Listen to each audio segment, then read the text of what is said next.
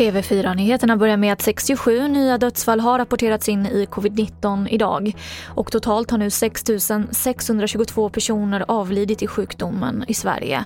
Detta enligt Folkhälsomyndighetens senaste siffror.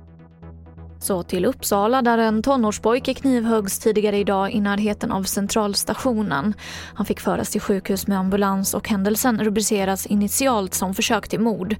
Gärningsmannen ska efter händelsen ha flytt från brottsplatsen och jagas nu av polis. Och jag avslutar med att prins Carl Philip och prinsessan Sofia har testats positivt för coronaviruset. Det här uppger kungahuset på sin hemsida. Kungaparet och kronprinsparet ingår i smittspårningen och kommer att testas idag.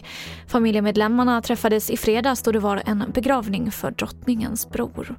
Och det är därför man nu inleder den här smittspårningen givetvis i och med att de kan ju då ha, ha smittat varandra vid det här sammanhanget. Men eh, vi hoppas att eh, bara familjen som har drabbats. Så att både kungen och drottningen utgör givetvis en riskgrupp. Det sa Sara Eriksson som är hovreporter. Och det var det senaste från TV4 Nyheterna. Jag heter Emily Olsson.